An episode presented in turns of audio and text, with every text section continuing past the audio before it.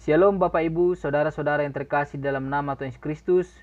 Patut kita mengucap syukur atas segala kasih dan anugerah dan rahmat Tuhan di dalam setiap kehidupan kita yang menyertai kehidupan kita senantiasa.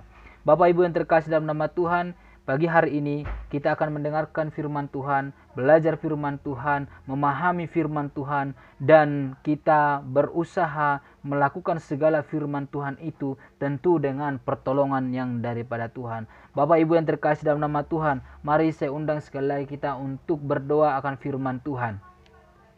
Terpuji-pujilah engkau ya Allah kami di dalam nama Tuhan Yesus Kristus. Saat pagi hari ini Tuhan kami bersyukur atas segala kasih dan anugerah dan rahmat-Mu di dalam setiap kehidupan kami yang menyertai kami senantiasa ya Tuhan Yesus. Di saat pagi hari ini Tuhan kami akan belajar mendengarkan firman Tuhan, memahami firman Tuhan. Tolong kami Tuhan sehingga kami dapat ya Tuhan Yesus mengerti, memahami setiap firman-Mu dan kami dapat melakukan firman-Mu sehingga hidup kami bertumbuh dan kami berbuah dan buah itu mempermuliakan Engkau ya Allah. Di dalam nama Tuhan Yesus Kristus saya berdoa haleluya. Amin. Bapak Ibu yang terkasih dalam nama Tuhan, mari kita lihat firman Tuhan yang terdapat di dalam Lukas pasal yang ke-6 ayat yang ke-49. Tetapi kita baca dari ayat yang ke-46. Beginilah firman Tuhan.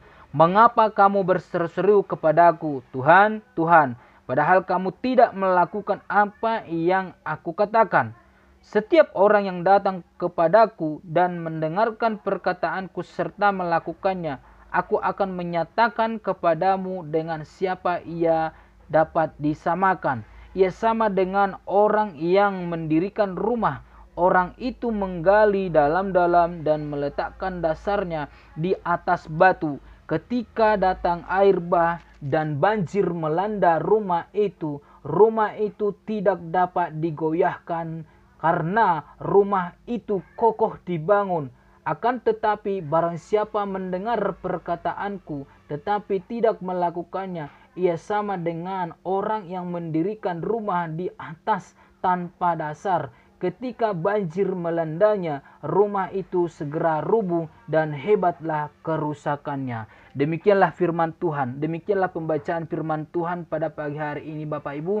Firman Tuhan berkata, berbahagialah orang yang mendengarkan firman Tuhan dan melakukannya. Bapak Ibu yang terkasih dalam nama Tuhan, bukan saja kita hanya mendengarkan, bukan saja kita hanya membaca, tapi lebih faedahnya adalah kita melakukan segala firman Tuhan itu. Itulah sebabnya saya akan memberikan tema firman Tuhan pada pagi hari ini untuk kita semua, yaitu hidup oleh perkataan firman Tuhan. Sekali lagi saya katakan, hidup oleh perkataan firman Tuhan. Bapak Ibu yang terkasih dalam nama Tuhan, seperti apa orang yang hidup oleh perkataan firman Allah?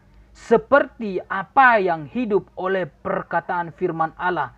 Bapak Ibu yang terkasih dalam nama Tuhan, yang pertama adalah mendengarkan setiap firman Allah. Bapak Ibu yang terkasih dalam nama Tuhan, Kata mendengarkan ini adalah kata kerja di mana tidak hanya saja dengar, tetapi lebih kepada dia mengerti, dia memahami setiap maksud atau perintah firman Allah itu.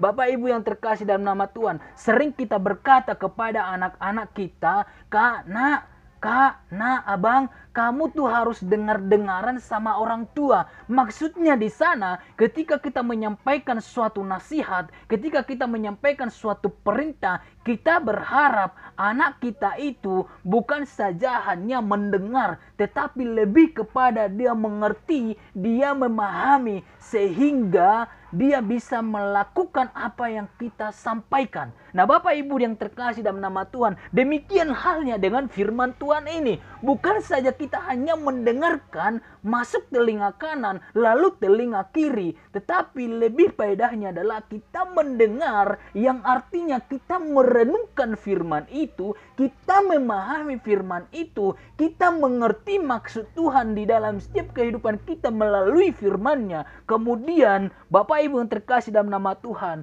Sehingga kita dapat faedah daripada firman itu. Nah Bapak Ibu yang terkasih dalam nama Tuhan. Mendengarkan firman Tuhan adalah suatu hal yang sangat penting di dalam setiap kehidupan kita. Bagaimana kita mendengarkan firman Tuhan? Bagaimana kita mendengarkan Allah berfirman? Yesus berfirman kepada kita. Bagaimana kita mendengarkan Yesus berbicara kepada kita adalah melalui pembacaan firman Tuhan, adalah melalui pemberitaan firman Tuhan, baik di gereja ketika gembalamu berbicara, baik ketika gembalamu atau hamba Tuhan yang datang ke rumahmu berkunjung lalu menyampaikan firman Tuhan, maka di sana bukalah hatimu, bukalah telingamu, bukalah matamu, perhatikanlah firman Tuhan itu sehingga engkau mengerti, sehingga engkau memahami firman. Karena gembalamu atau pengerjamu atau pengerja gereja yang datang menjelaskan firman Tuhan sehingga ada sebuah kemudahan di mana kita mengerti firman Tuhan itu. Nah, Bapak Ibu yang terkasih dalam nama Tuhan, itulah sebagai kita orang Kristen yang mentaati Bapak. Ketika Bapak itu berbicara kepada kita, ketika Bapak itu menasehati kita, maka marilah kita mendengarkan setiap firman itu. Marilah kita dengar-dengaran akan firman itu. Bapak Ibu yang terkasih dalam nama Tuhan, bukan suatu hal yang sulit bagi kita untuk mendengarkan firman Tuhan. Bukan satu hal yang sulit bagi kita untuk mengerti firman Tuhan. Kalau hatimu mau, kalau engkau mensendengkan telingamu, kalau engkau membuka telingamu baik-baik untuk mendengarkan firman Tuhan. Bapak Ibu yang terkasih dalam nama Tuhan. Bukan saja kita hanya mendengarkan firman Tuhan. Tetapi melakukan setiap firman itu. Ini adalah poin yang kedua. Setiap firman Tuhan itu kita harus lakukan. Ya, poin yang kedua adalah melakukan setiap firman Tuhan, bukan sebagian, tetapi melakukan setiap firman Tuhan. Semua firman Tuhan itu bermanfaat untuk mengajar, untuk menyatakan kesalahan, untuk memperbaiki kelakuan, dan untuk mendidik orang-orang dalam kebenaran. Itulah yang dikatakan oleh firman Tuhan. Perhatikan Bapak Ibu yang terkasih di dalam nama Tuhan. Di dalam 2 Timotius. Di dalam 2 Timotius pasal yang ketiga ayat yang ke-16 di mana dikatakan di sana bahwa segala tulisan yang diilhamkan Allah memang bermanfaat untuk mengajar, untuk menyatakan kesalahan, untuk memperbaiki kelakuan dan untuk mendidik orang dalam kebenaran. Nah, Bapak Ibu terkasih dalam nama Tuhan, firman Tuhan ini adalah perkataan Allah.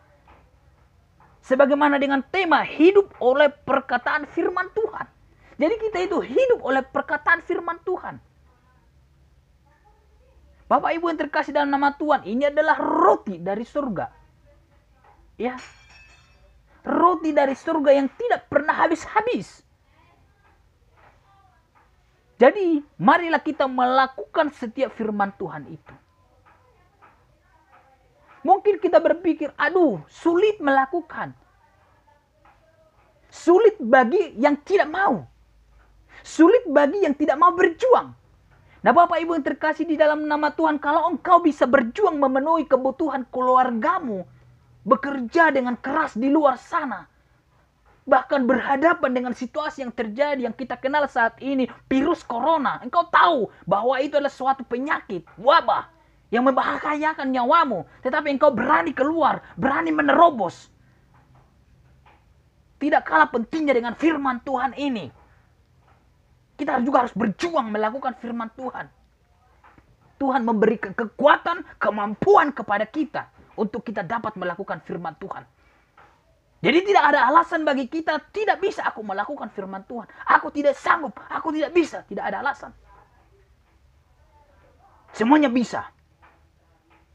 Pertanyaannya, maukah kita melakukan setiap firman Tuhan? Kalau di poin pertama tadi, Mendengarkan setiap firman Tuhan tidak cukup hanya mendengarkan, tetapi harus melakukan firman Tuhan. Mendengar, mengerti, memahami, kemudian melakukan sebagai bentuk aplikasinya dalam kehidupan kita. Apa dampak dari hidup oleh perkataan firman Allah? Apa dampaknya ketika kita melakukan firman Allah? Apa untungnya ketika kita mendap melakukan firman Allah. Kita menjadi kuat. Bapak Ibu yang terkasih dalam nama Tuhan, saya melihat di dalam Lukas pasal 6 ayat 46 sampai dengan 49 adalah dua tipe orang. Sama-sama mereka mendengarkan firman Tuhan. Dan sama-sama mereka membangun rumahnya. Yang pertama, dia mendengarkan firman Tuhan. Serta melakukannya. Kemudian dikatakan dia membangun rumahnya. Menggali dalam-dalam tanah. Dan meletakkan dasar di atas batu. Sehingga rumahnya dibangun kokoh. Datang banjir melanda rumah itu tapi tidak goyah. Artinya bahwa ketika kita melakukan firman Tuhan, kita membangun hidup kita, kita mendirikan hidup kita, kita gantungkan hidup kita kepada dasar yang kuat, dasar yang benar, yaitu Yesus Kristus. Percaya atau tidak percaya Bapak Ibu, buktikan bahwa Tuhan akan memberikan kekuatan dan kemampuan kepada setiap kita.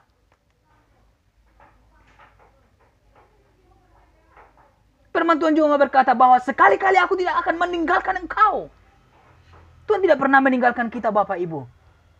Tapi sering kali kita yang meninggalkan Tuhan. Kita yang selalu lari dari Tuhan. Jauh dari Tuhan. Tuhan mah setia. Selalu setia dan setia sampai selama-lamanya.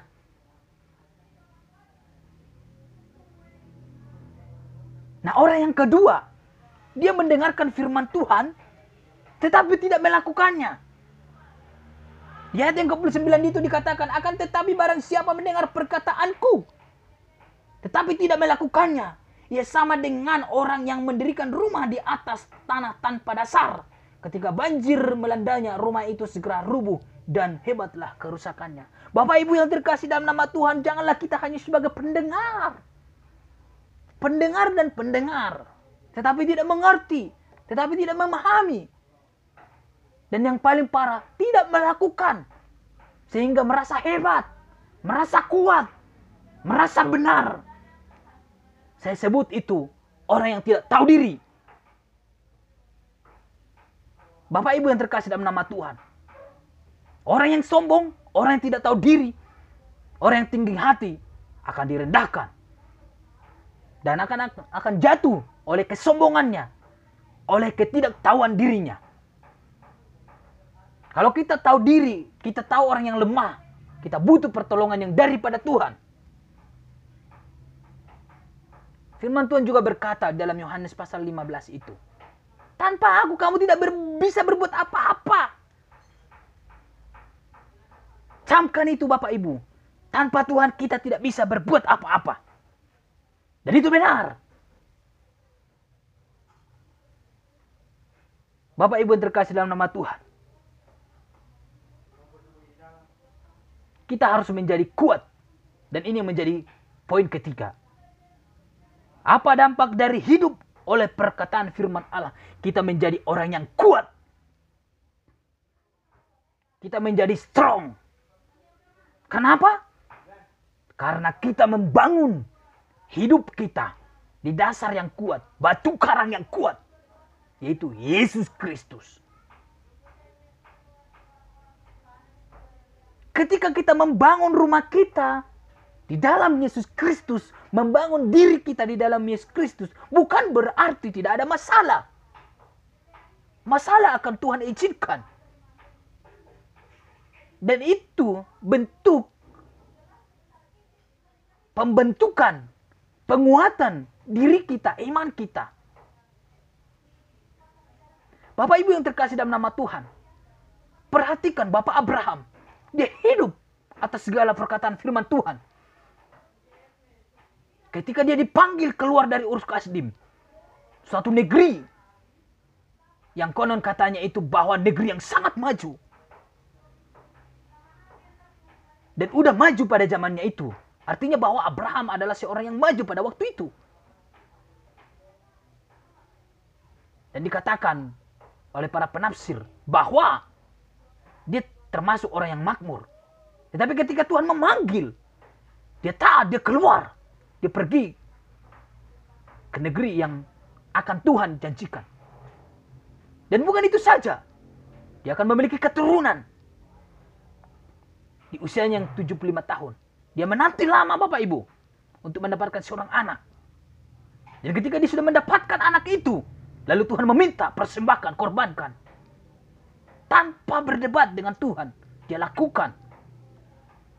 Dan apa yang terjadi? Tuhan mengatakan, jangan apa-apakan anak itu. Saya sudah tahu engkau sekarang. Imannya menjadi iman yang berkualitas. Dan Tuhan menyediakan. Nah Bapak Ibu yang terkasih dalam nama Tuhan. Ketika kita hidup oleh perkataan firman Tuhan. Sebab firman Tuhan iya dan amin. Mari Bapak Ibu.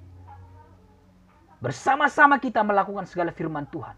Bersama-sama kita meminta kekuatan daripada Tuhan. Untuk kita dapat melakukan segala firman Tuhan.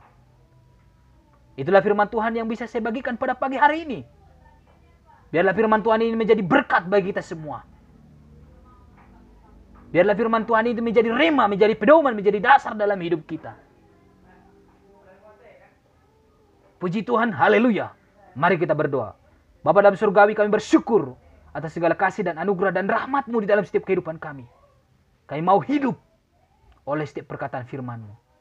Berikan kami Tuhan kekuatan dan kemampuan.